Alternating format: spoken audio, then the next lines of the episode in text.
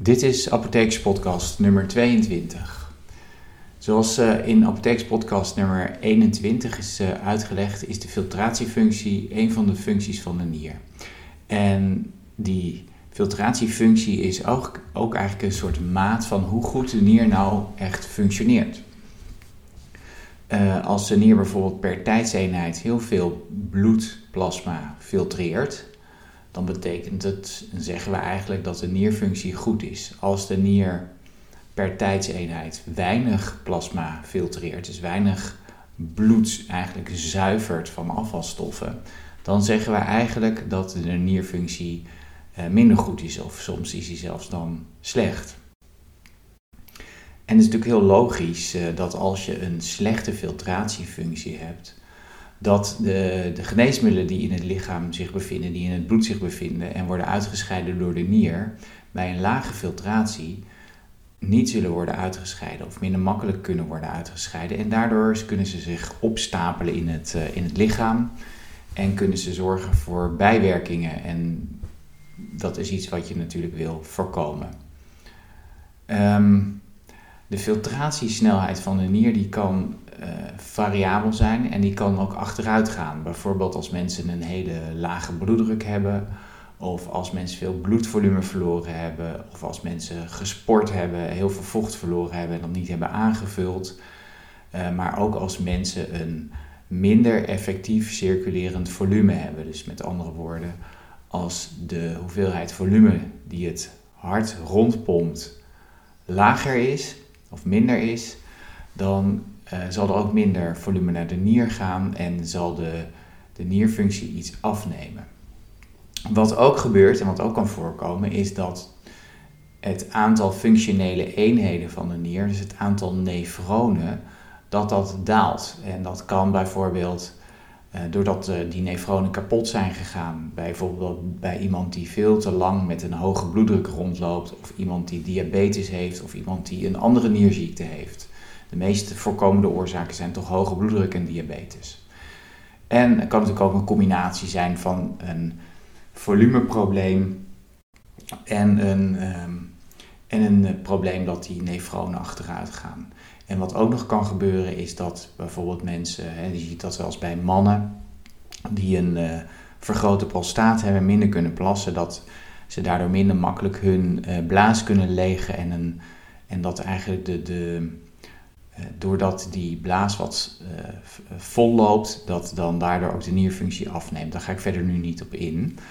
Um, maar we gaan het nu wat, wat dieper in in deze podcast over die filtratie, op die filtratiesnelheid.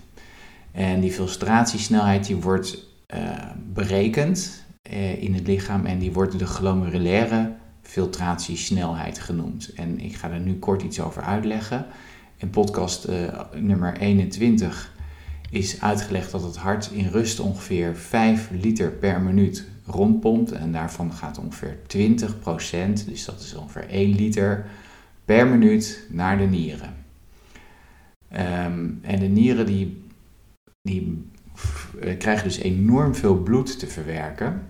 En als je dat uh, per 100 gram orgaan zou uitrekenen, dan ontvangen de, die kleine nieren vier keer de hoeveelheid bloed die naar de lever gaat.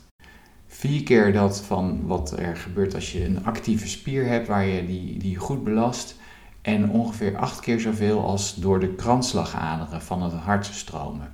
Dus dat is een enorme hoeveelheid bloed die naar de nieren gaat. Um, die nieren krijgen dus 1 liter per minuut van het hartminuutvolume aangeboden. En dat bloed uh, dat bevat een aantal stoffen, hè, onder andere eiwitten en rode bloedcellen.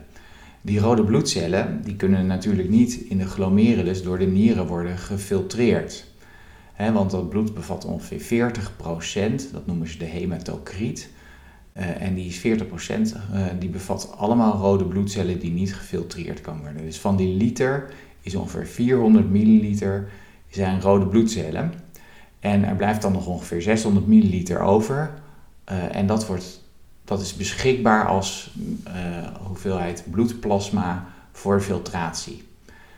Um, nou, die, die 600 uh, milliliter die wordt niet helemaal gefiltreerd door de, door de nieren, want ongeveer 20% daarvan wordt gefiltreerd. En als je dat uitrekent, kom je op 120 milliliter per minuut, wat door die glomerulus gefiltreerd wordt. En die 120 milliliter per minuut, dat noemen ze de glomerulaire filtratiesnelheid, of afgekort de GFR. Um, en die 20% van dat, uh, van dat volume, hè, van die 600 milliliter, dat wordt de filtratiefractie genoemd. En de filtratiefractie is eigenlijk het gefiltreerde plasmavolume gedeeld door de uh, aanvoer. En die aanvoer van 600 milliliter per minuut, dat noemen ze de renale plasma aanvoer. Of de renal plasma flow in het Engels. Dus die wordt vaak afgekort met RPF. Dus de filtratiefractie is het gefiltreerde hoeveelheid plasma gedeeld door de RPF. Um, die filtratiefractie kan soms namelijk wissel, wisselen onder bepaalde omstandigheden. Normaal gesproken zie je 20%, maar hij kan iets toenemen of iets afnemen. Um, nou, als de nieren nou slechter gaan, gaan filtreren, dus met name als die nieren slechter worden, dan daalt de GFR. En uh, sommige artsen en apothekers zeggen dat iemand bij 100% een goede nierfunctie heeft en dan bedoelen ze ongeveer een GFR van 100 ml per minuut. En als je dan een 10% nierfunctie hebt, dan heb je een GFR van 10 ml per minuut. Maar het beste is eigenlijk om die nierfunctie uit te drukken in GFR, in milliliter per minuut. Nou, dat plasma wat aankomt in de glomerulus, hè, die 600 ml per minuut. En daarvan wordt dan 120 ml gefiltreerd. Um, van dat plasma worden niet alle componenten gefiltreerd. Ik noemde net al de rode bloedcellen, want die zijn gewoon te groot om door dat uh, filter heen te gaan. Dat filter is eigenlijk de filtratiebarrière. En die filtratiebarrière is een belangrijk, uh, belangrijk gedeelte in de nier. Dat is, die bestaat uit eigenlijk twee onderdelen. Er zit een basaalmembraan. En dat in het Engels heet dat de Glomerular Basement Membrane of de GBM. En dat zit aan de. En dan zitten nog aan de buitenkant van de, van de glomerulaire bloedvaatjes zitten ook speciale cellen, die, dat zijn epiteelcellen. En die epiteelcellen zijn heel speciaal, hebben zich heel speciaal ontwikkeld en die worden podocyten genoemd. Um, nou, dat glomerulaire basement membrane heeft een soort gelachtige structuur. En dat is negatief geladen. En hierdoor kunnen negatief geladen stoffen minder goed het membraan passeren. Er zijn ook hele kleine negatief geladen stoffen, die worden ionen genoemd, bijvoorbeeld chloride en bicarbonaat. En die stoffen kunnen heel goed door het glomerulaire basement membraan. Het gaat met name om wat grotere stoffen die negatief geladen zijn. En die podocyten die vormen ook een barrière. Die podocyten hebben allemaal uh, vingervormige uitlopertjes en die zitten allemaal met elkaar parallel, uh, zeg maar, verweven in elkaar. Net zoals dat je zeg maar, je vingers in elkaar vouwt, zeg maar. Zo ziet zo'n podocyt uitlopertjes zien er een beetje uit. En um, de, de, met name de, de, de ruimte tussen die uitlopertjes, die uh, hebben een bepaalde grootte en daardoor kunnen bepaalde stoffen ook niet door, die, uh, door, die, door dat filter heen. Dus eigenlijk is die filtratiebarrière bestaat dus uit een, een, een, een membraan wat een ladingspecifieke barrière heeft en een grote barrière met wat met name door die podocyten gevormd wordt. En om, als voorbeeld wordt eigenlijk heel vaak genoemd albumine. En dat ga ik nu even iets uitleggen. Albumine is een, een eiwit wat voorkomt in bloedplasma. En wat qua grootte eigenlijk heel goed door die filtratiebarrière zou passen. Maar doordat het negatief geladen is en de filtratiebarrière negatief geladen is, dus negatief en negatief stoten elkaar af, wordt dat albumine eigenlijk niet door de nier uitgescheiden en gefiltreerd. Er is altijd een heel klein beetje wat er stiekem wel door kan, heel klein beetje. Uh, dus dat zijn spoortjes. Uh, dat is normaal, normaal. Maar op het moment dat er echt wat grotere hoeveelheden albumine in de urine verschijnen, dan is dat een teken dat het niet goed gaat met de nier. En vroeger had je twee termen. Had je, hè, dan noemde, als, als er albumine in je urine verschijnt, dan noemt men dat albuminurie. En vroeger had je microalbuminurie en albuminurie of macroalbuminurie. Nou, microalbuminurie, dat betekende dat er een bepaalde hoeveelheid albumine ehm, in urine was. En als dat boven een bepaalde grens kwam, boven een bepaalde afkapwaarde kwam, dan werd er gesproken over albuminurie. Was het onder die afkapwaarde, was het microalbuminurie. Maar eigenlijk is tegenwoordig de officiële term albuminurie. Dat betekent dus dat je albumine in je urine verschijnt. En dat is een teken dat er iets niet goed is met je nier. Nou, hoe wordt nou die GFR eigenlijk gemeten? Want dat is belangrijk. Je moet, en die GFR wordt eigenlijk uh, gebruikt om te kijken hoe goed de nierfunctie is. Dus die wordt gemeten.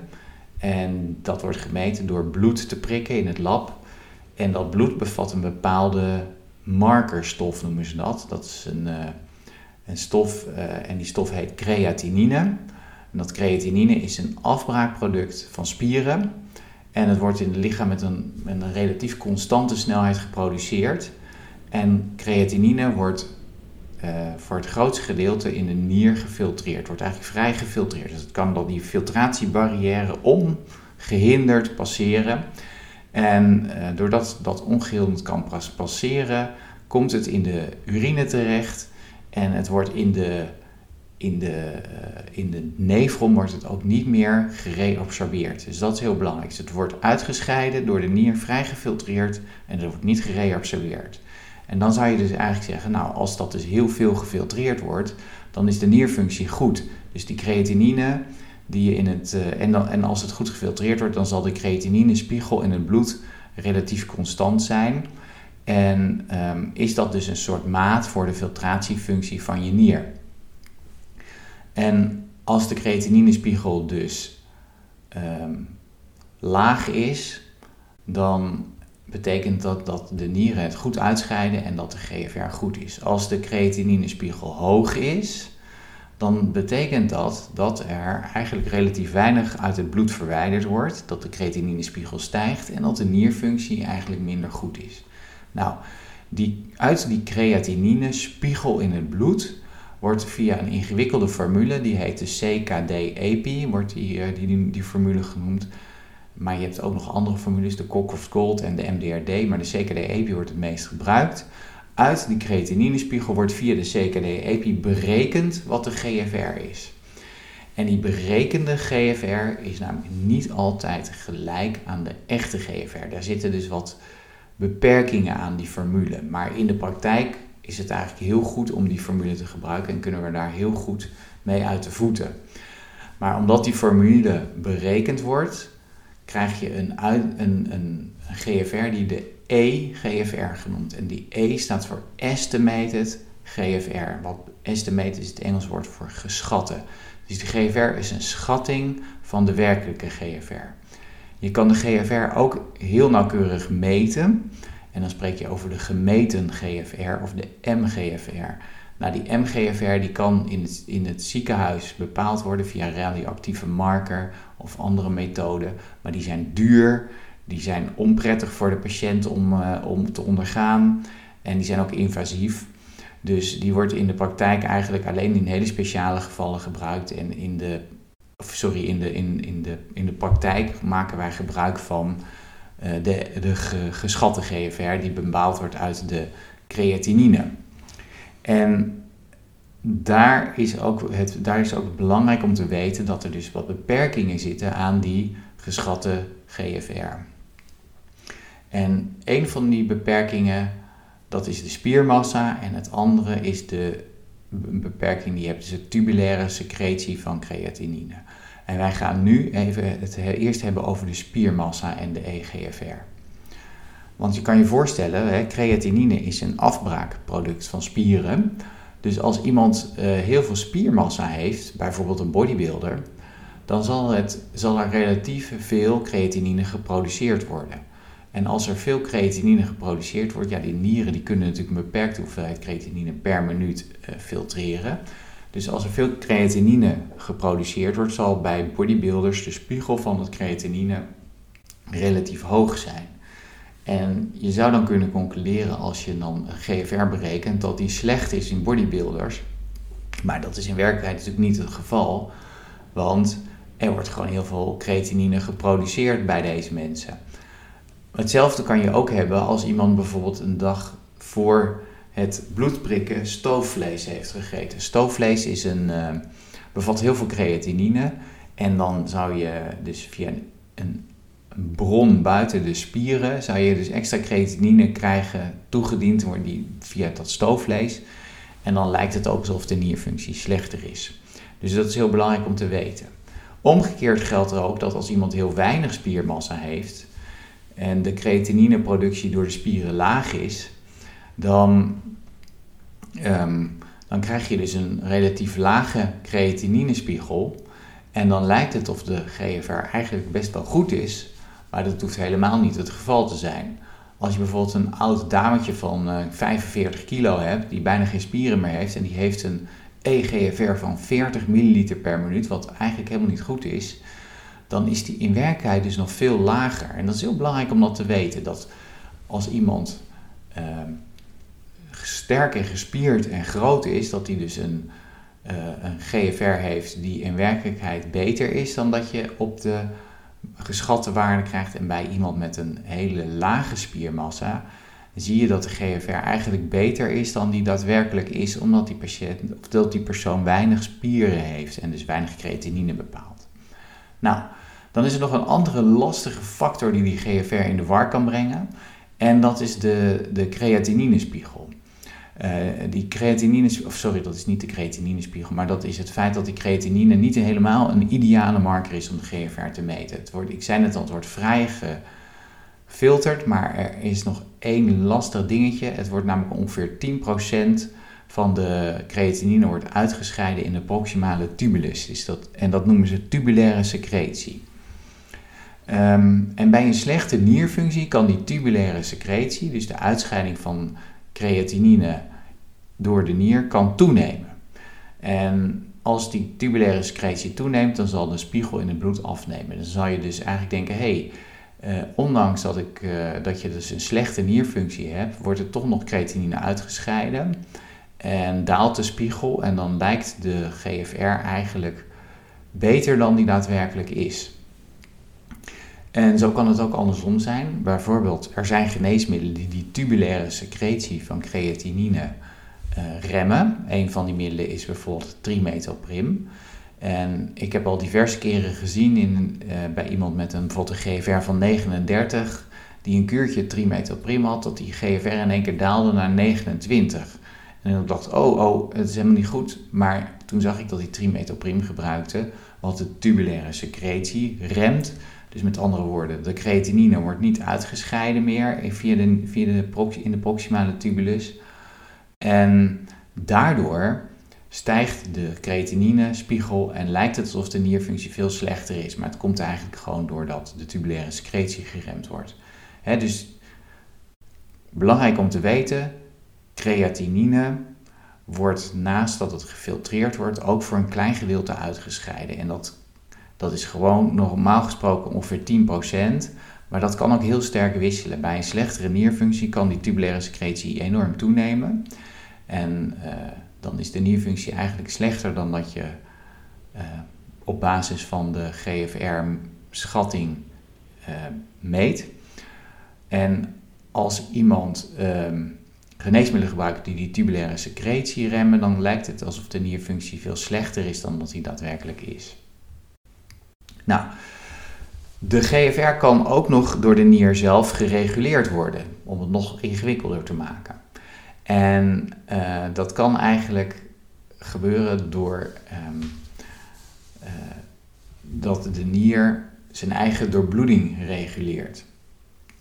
En er zijn twee krachten die bepalend zijn voor de GFR. Dat is de hydrostatische druk en dat is de oncotische druk. De oncotische druk, dat wil zeggen de druk die ontstaat door eiwitten. En ik zal kort uitleggen hoe dat precies zit. Um, oncotische druk uh, betekent dat, um, dat, is, dat eiwitten hebben een bepaalde eigenschap. Ze kunnen namelijk uh, vocht aantrekken. En hoe geconcentreerder de hoeveelheid eiwitten in, de, in, in, de, in het bloed is, want ze worden niet gefiltreerd, hoe geconcentreerder die hoeveelheid uh, eiwitten in het bloed is, hoe harder ze water aantrekken. En je kan dat bijvoorbeeld heel goed zien, en dat is een heel mooi mechanisme. Aan het begin van de glomerulus, dan is er nog relatief veel vocht aanwezig uh, in het bloedplasma. En door de, de druk in de nier, de hydrostatische druk, um, het is eigenlijk de bloeddruk in de glomerulus, als die hoog is, zal er veel vocht worden uitgestoten en gefiltreerd, want die kracht is heel erg groot door die hoge bloeddruk. Um, dat water wordt door de filtratiebarrière geduwd, maar de eiwitten gaan daar niet door, dus die blijven achter. En hoe meer water er door die, in die glomerulus door de, door de filtratiebarrière gedrukt wordt, uh, hoe geconcentreerder de hoeveelheid eiwitten wordt. En aan het einde van die, van die glomerulus um, zal de eiwitconcentratie dus maximaal zijn. En um, dat betekent ook dat de eiwitconcentratie dan water gaat terugtrekken. Dus dan heb je aan de ene kant de hydrostatische druk, dus de bloeddruk, dus de druk die er echt aanwezig is, en die de het water door de filtratiebarrière wil heen drukken. En aan de andere kant heb je dan, achter in het bloedvat blijft dan die hoeveelheid eiwitten die het water juist weer terug willen trekken. En daardoor daalt aan het eind van de, uh, van de glomerulus is, is die, het verschil tussen die hydrostatische druk en die, die druk door die eiwitten, die is minder geworden. En dat is eigenlijk ook heel mooi, want um, als je dan verder gaat kijken en het eind van die, van die uh, dus dan gaan de uh, vaatjes over in de efferente arteriolen, de afvoerende, het afvoerende vat. En dat afvoerende vat, dat komt terecht in de peritubulaire capillaire. Dat is dus eigenlijk rondom de proximale tubulus heb je dan uh, hele hoop bloedvaatjes. En die bloedvaatjes zijn heel rijk aan eiwitten. En die trekken dus heel effectief het vocht weer terug uit de, het gefiltreerde water weer terug uit de proximale tubulus. Dus het is eigenlijk een heel efficiënt systeem. dus het water wordt gefiltreerd door de hydrostatische druk en dan stijgt in de bloedvaten de oncotische druk, dus de eiwitdruk. En die, die eiwitten zuigen eigenlijk dan dat gefiltreerde water weer mooi terug. Dus dat is een heel effectief uh, mechanisme om water te besparen door de nier. Nou, die hydrostatische druk die komt eigenlijk tot stand door een uh, verschil in diameter van de afferente en de efferente arteriolen. En dat heb ik in apothekerspodcast nummer 21 ook uitgelegd.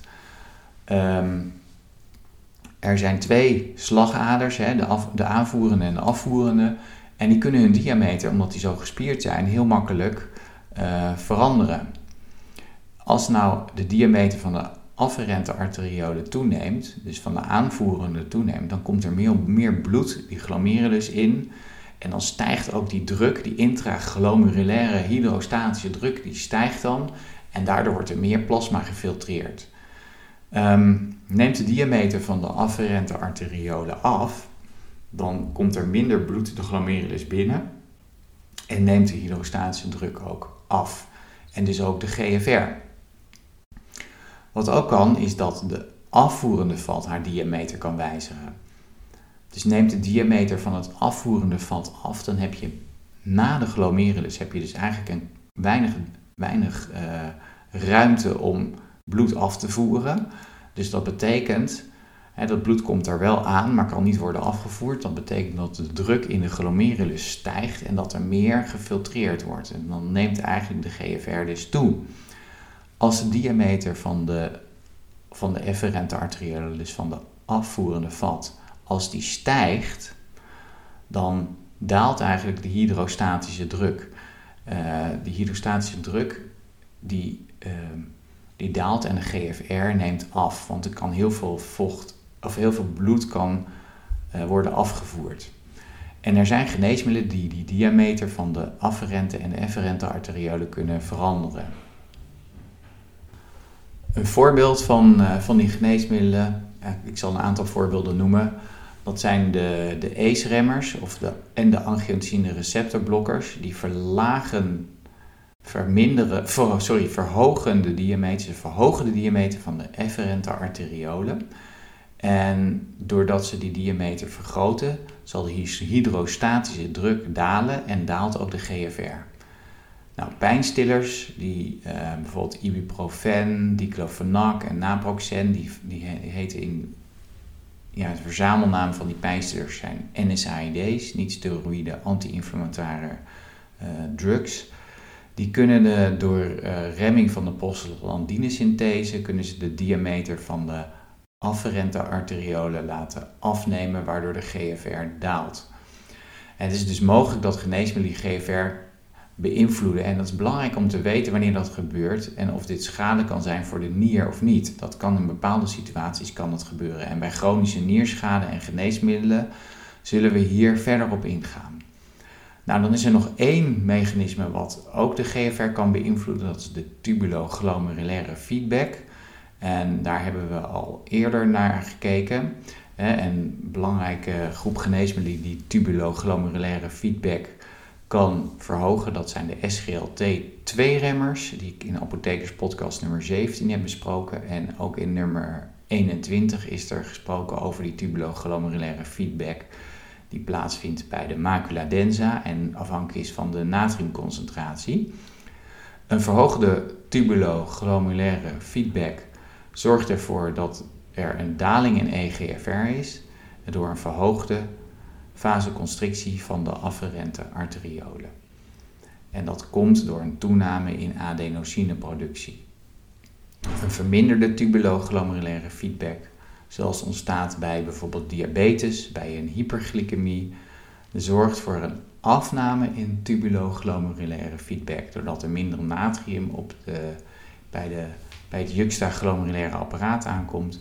En daardoor stijgt de diameter van het aanvoerende vat, dus van de afferente arteriolen, en ontstaat er hyperfiltratie. En dat is een toename van de GFR.